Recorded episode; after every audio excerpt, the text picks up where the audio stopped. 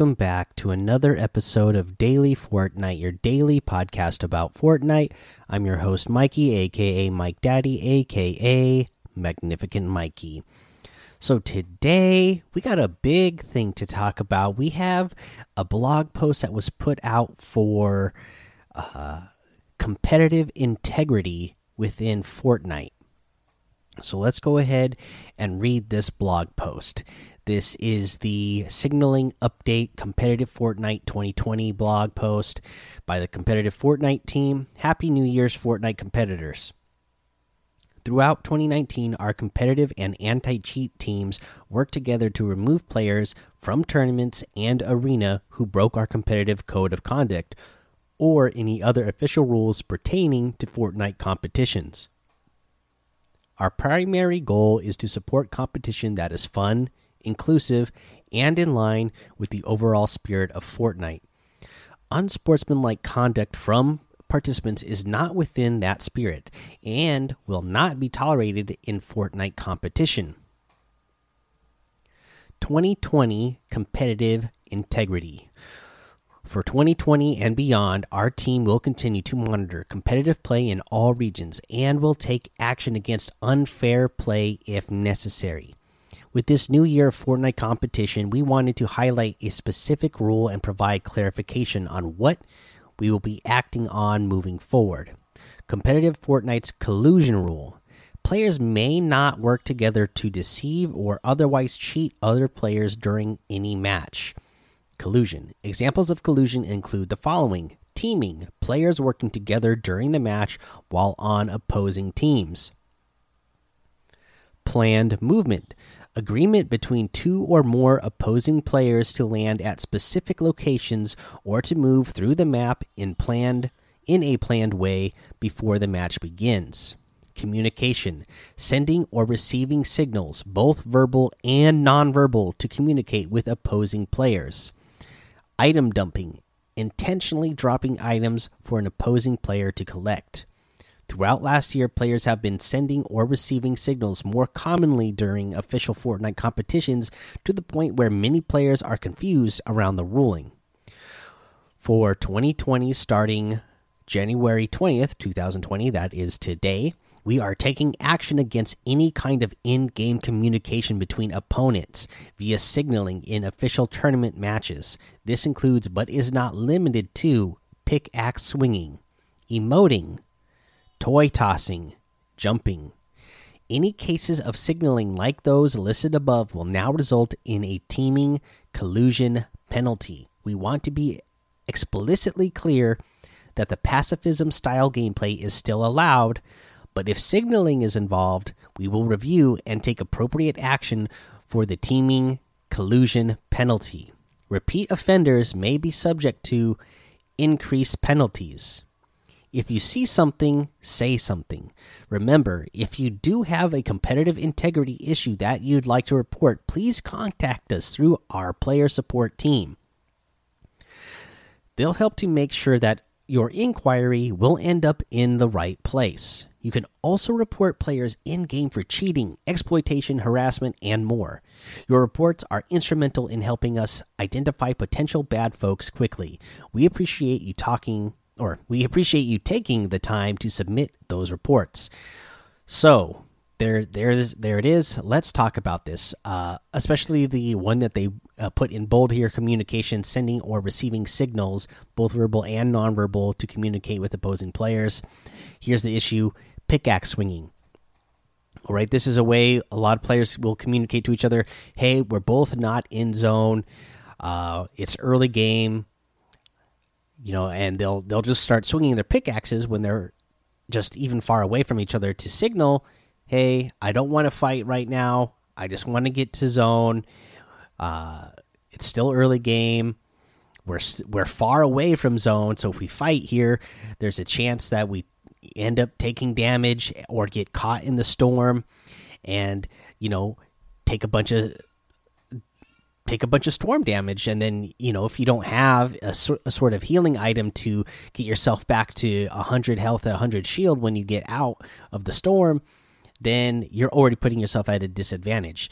Uh, but you know they're going to say that's not allowed anymore emoting was another way people would signal this. Toy tossing or jumping. The I don't get the jumping. I mean, when I run around, even in just normal games, I, I'm jumping all the time just to avoid being sniped or avoid just being an easy target to hit. If you're just running in a straight line without jumping, you're pretty easy target to hit. So that one I really don't get. But uh, you know, I I understand what they're trying to do, but some of these it's just a little bit too hard. And for the, I just don't, you know, if it was something like the other things that they uh, mentioned in here in the beginning, if they're two players that are communicating through Discord or via their stream, letting each other know uh, what's happening, uh, and they're on opposing teams, then that yeah, that's really bad. Uh, if you are, you know, planning ahead before the game, hey. Uh, let's queue up at the same time and try to uh, go into the same place. And I'm going to land here and you land there, and we'll take these paths so that way we can both ensure that we get the best loot. Yeah, that's bad, but you know any random people can happen to come across each other in a game and both realize hey we're really far from the zone here let's not fight uh, so I, I, I don't know how to feel about that. It just doesn't seem quite right. I mean you don't want to have people you know coming up with a plan uh, beforehand but again if it just happens to be a random encounter, I, don't, I just don't see that as you know being something that is taking away from the competitive integrity. In fact, I feel like it's more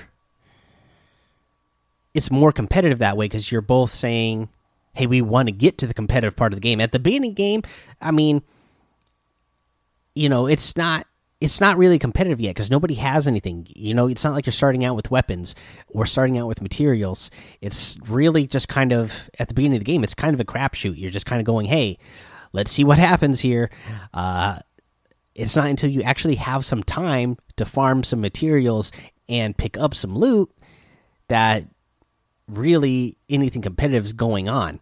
You know, otherwise, you know, it's just you know 50 50 up to chance in the beginning. So uh, I just I think you know, like I said, I get what they're trying to do, but I think they're going a little bit too far with it. I don't know. And then especially, uh, I saw Shio Wager put this up on Twitter, and he said, "Well, what if somebody pickaxes at me or emotes at me? Does that mean I'm now forced to shoot at that person? Because if somebody, you know, even though I didn't signal back." Uh, if I don't shoot at them, does that now mean they're they're going to go back and look at that footage and say, "Hey, this is collusion this is you know this is signaling you know whereas you just didn't want to take the fight already anyways. You're already not wanting to take the fight but that person signaled. Do they both get in trouble? Like what's the deal here? So i don't know. Again it's one of those things i understand but it's just it's going to be hard to enforce and monitor and really know what's happening. So uh, that's a tough one but that's what we got going on today in news. I'm really very curious to know what you guys think about this. For you guys who are, you know, even if you're not a competitive player, I know a lot of you love to watch the competitive play. So I'd, I'd love to know your thoughts on that. All right, let's go ahead and move on to a challenge tip. Let's do the one where you need to visit mountain uh, base camps. This is in the eight ball uh, versus scratch overtime challenges. Now there is one in F let's see here. F8 uh, on the east side of the tall mountain on f8 there is one in let's see here that is g mm, 7 and it's it's right on the edge. It's kind of on the eastern northeastern side of that mountain that's kind of on the pathway leading into the third base, which is in H H7 at the north end of H7 on top of that mountain there. That's where the three of them are. And uh, it's pretty easy to get to. You can easily, uh, you know, I started out at the one closest to uh, Misty Meadows in F8, and then just kind of work my path. I work I worked down and then walked across the bridge that is in F7 and then up the mountain to the uh to the camp in G7 and then ran across the little ridge on the mountain over to the one that's in H7 there. It was pretty easy to get done in a single match. All right, let's go ahead and take a break here. We'll come back. We'll go over today's item shop and our tip of the day. Hey, it's Kaley Cuoco for Priceline. Ready to go to your happy place for a happy price? Well, why didn't you say so? Just download the Priceline app right now and save up to 60% on hotels. So, whether it's Cousin Kevin's Kazoo concert in Kansas City, go Kevin, or Becky's Bachelorette Bash in Bermuda, you never have to miss a trip ever again. So, download the Priceline app today. Your savings are waiting. Go to your happy place for a happy price. Go to your happy price, Priceline. All right, let's go over today's item shop. We'll start out with uh, another icon series. This is the one from Jordan Fisher. This is the fishing emote. There's always time for a little fishing. Again, we saw a little preview of this uh, that was tweeted out by Jordan Fisher and the Fortnite uh, Twitter the other day. Neat little dance and music. Now we have what I'm really excited for in the item shop today. I really like, as you guys know, I like the silly stuff. I know, I know, but I do really like this new jelly outfit. Uh, did I? Well, let me. Did I mention that that fishing emo is 500? Anyways, this jelly outfit is fantastic. The anemone you don't want for an enemy part of the fish food set. Uh, it comes with the Shelly back bling. That's one tough Shelly, and that's a turtle shell. And yeah, like they said here in the description, uh, Jelly is a big, you know, he's got uh, sea anemones on his head coming out the top of his head, but he also looks like he's made out of some sort of uh, jelly, like a, you know, jellyfish, I guess. Uh, but you know he's like the you know the coral back bling that you have for the um the triggerfish uh, back bling uh, the Coral Commandos or the Coral. Uh, I can't remember what the normal back bling is. Anyways, that's what he looks like. He looks absolutely fantastic. I love it. Uh, again, uh, the the back bling, the Shelly has different styles as well. You can get the default, which is just kind of like a brown and purple. You have green, where the uh, main part of the shell becomes green, and then rainbow, where the uh, outside edges of the uh, shell become rainbow type color. And then we have the new Scampy harvesting tool. Uh, did I mention? Sorry, I keep forgetting to mention the prices here. So the jelly is one thousand two hundred V bucks, and then we have the Scampy harvesting tool, fresh and floppy, 800 V bucks. These are, uh, I guess, these are sea slugs, and uh, yeah, they're again just really cool. they're funny, they're cute. I like it. We have the uh, Cuddle Team Leader outfit that comes with the Cuddle Bow back bling for 2,000 V bucks. One of my favorites in the game. The Cuddle Cruiser Glider for 800. The Cuddle Paw Harvesting Tool for 800, and the Cuddle Camo Wrap for 300. We have the Hush outfit that comes with a black stripe back bling for 1,200. Uh, pretty cool looking outfit if you ask me. The Silent Strike harvesting tool for 500 and the weathered black wrap for 300.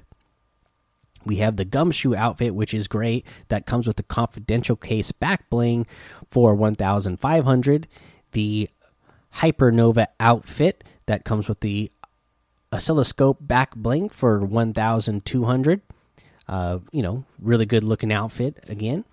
The av axe harvesting tool for 500 the star power emote for 800 uh, the busy emote for 500 and then we have the wavebreaker starter pack the dark fire bundle the Polar Legends pack, and for a limited time, we have the Fortnite Frozen Legends pack back in the item shop as well. This is the one that includes the Frozen Raven outfit and the Frozen Iron Cage back bling, the Frozen Red Knight outfit with the Frozen Red Shield back bling, the Frozen Love Ranger outfit, and the Frozen Love Wings back bling. So that is making a return If you want to get any of these things, you can use code Mike Daddy M M M I K E D A D D Y in the item shop, and it will help support the show. Hashtag ad, hashtag sponsor.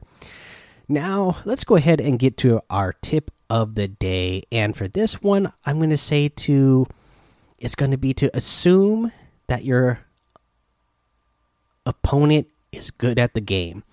The game has been out for two years now. We've been doing this podcast uh, for almost two years. I didn't start podcasting until a couple months into Fortnite. So we're not quite two years old yet, but we're getting close. And we've done a lot of tips, a lot of tricks uh, throughout uh, the time that we've been doing this. And you know what? Uh, there's a lot of great YouTubers, a lot of great streamers who are giving tips all the time, and people are watching, just learning from by watching and a lot of players are really good. So you need to assume they're good. So when you are going against another player, you need to assume that they know everything you know and put yourselves in a situation to best take advantage of that. Like if you know, hey, the best situation to put yourself in when you're in a when you're fighting someone is to give yourself the right hand peek. Assume your opponent is trying to give themselves a right hand peek and anticipate the type of movement movements that they're going to make for that.